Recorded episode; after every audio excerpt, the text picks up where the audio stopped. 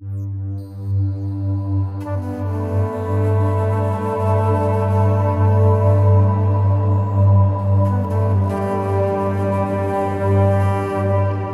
بكم في بودكاست عين العقل. معي أنا ميساء العمودي. هذه هي الحلقة الجديدة والوحيدة لشهر يونيو بعد ما انتهت سنة مايو أو شهر مايو لأنه يمكن مر عليكم ناس مفجوعين من طول هذا الشهر وعمايله فيهم. بصراحة أنا واحدة منهم. يمكن ما كان ثقيل على الكل بس دايما نسمع ناس تتكلم عن شهور أو أسابيع مليانة بالمفاجآت السلبية أو التضييقات. فتلاقي المتاعب تتوالى لدرجة إننا نضطر أحيانا نوقف للحظات نبغى نفهم إيش قاعد يصير معانا وكيف ممكن نتعامل معه.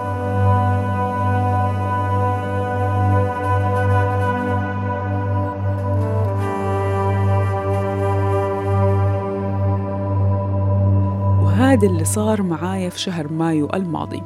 بالرغم من إنه حمل لي تغيير كبير ومهم جدا في حياتي كنت منتظرته من سنوات إلا إنه جاء بمتاعب كبيرة لدرجة إني اضطريت آخذ أيام إجازة من شغلي ورحت الطوارئ مرة من المرات واضطريت كمان أخضع لتحليل كوفيد للمرة الأولى من بداية الأزمة.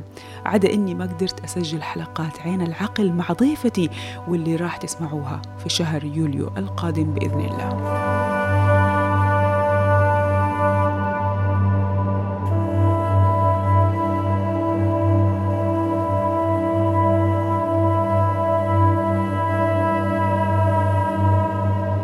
طبعا كنت جدا حزينة وغاضبة لأني ما قدرت أسجل حلقات الشهر ده.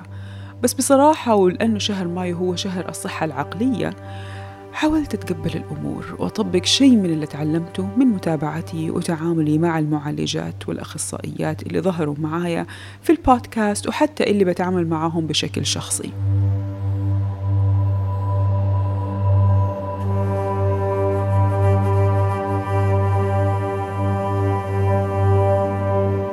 وهو إنه عادي.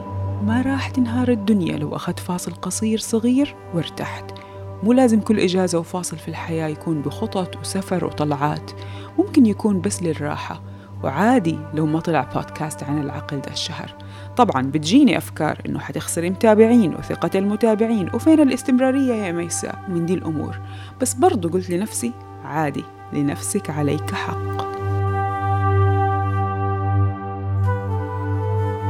وهذا اللي قاعدة أحاول أتعلمه بصراحة من التواصل مع المعالجين والمعالجات والبحث في عالم الصحة النفسية والذهنية.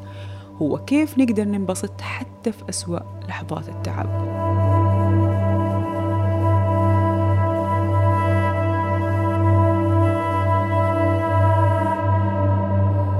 يمكن في كثير الآن بيقولوا مستحيل ننبسط وقت الضيق والمرور بمرحلة عنق الزجاجة. بس اللي قاعدة أتعلمه هو إنه التعب والحزن لحظة والسعادة والمتعة لحظة برضه.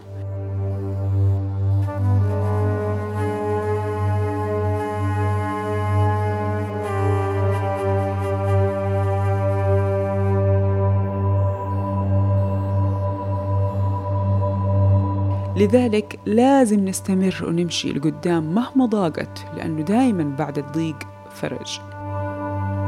واحدة من العبارات المميزة الجميلة اللي قرأتها تقول هذه العلاجات لا تجعل حياتك أفضل ولكن تجعلك أفضل في الحياة. لأنه من الصعب إننا نغير مسار الأحداث المستقبلية ولكن ممكن نحاول نصحح طرق تعاملنا معها.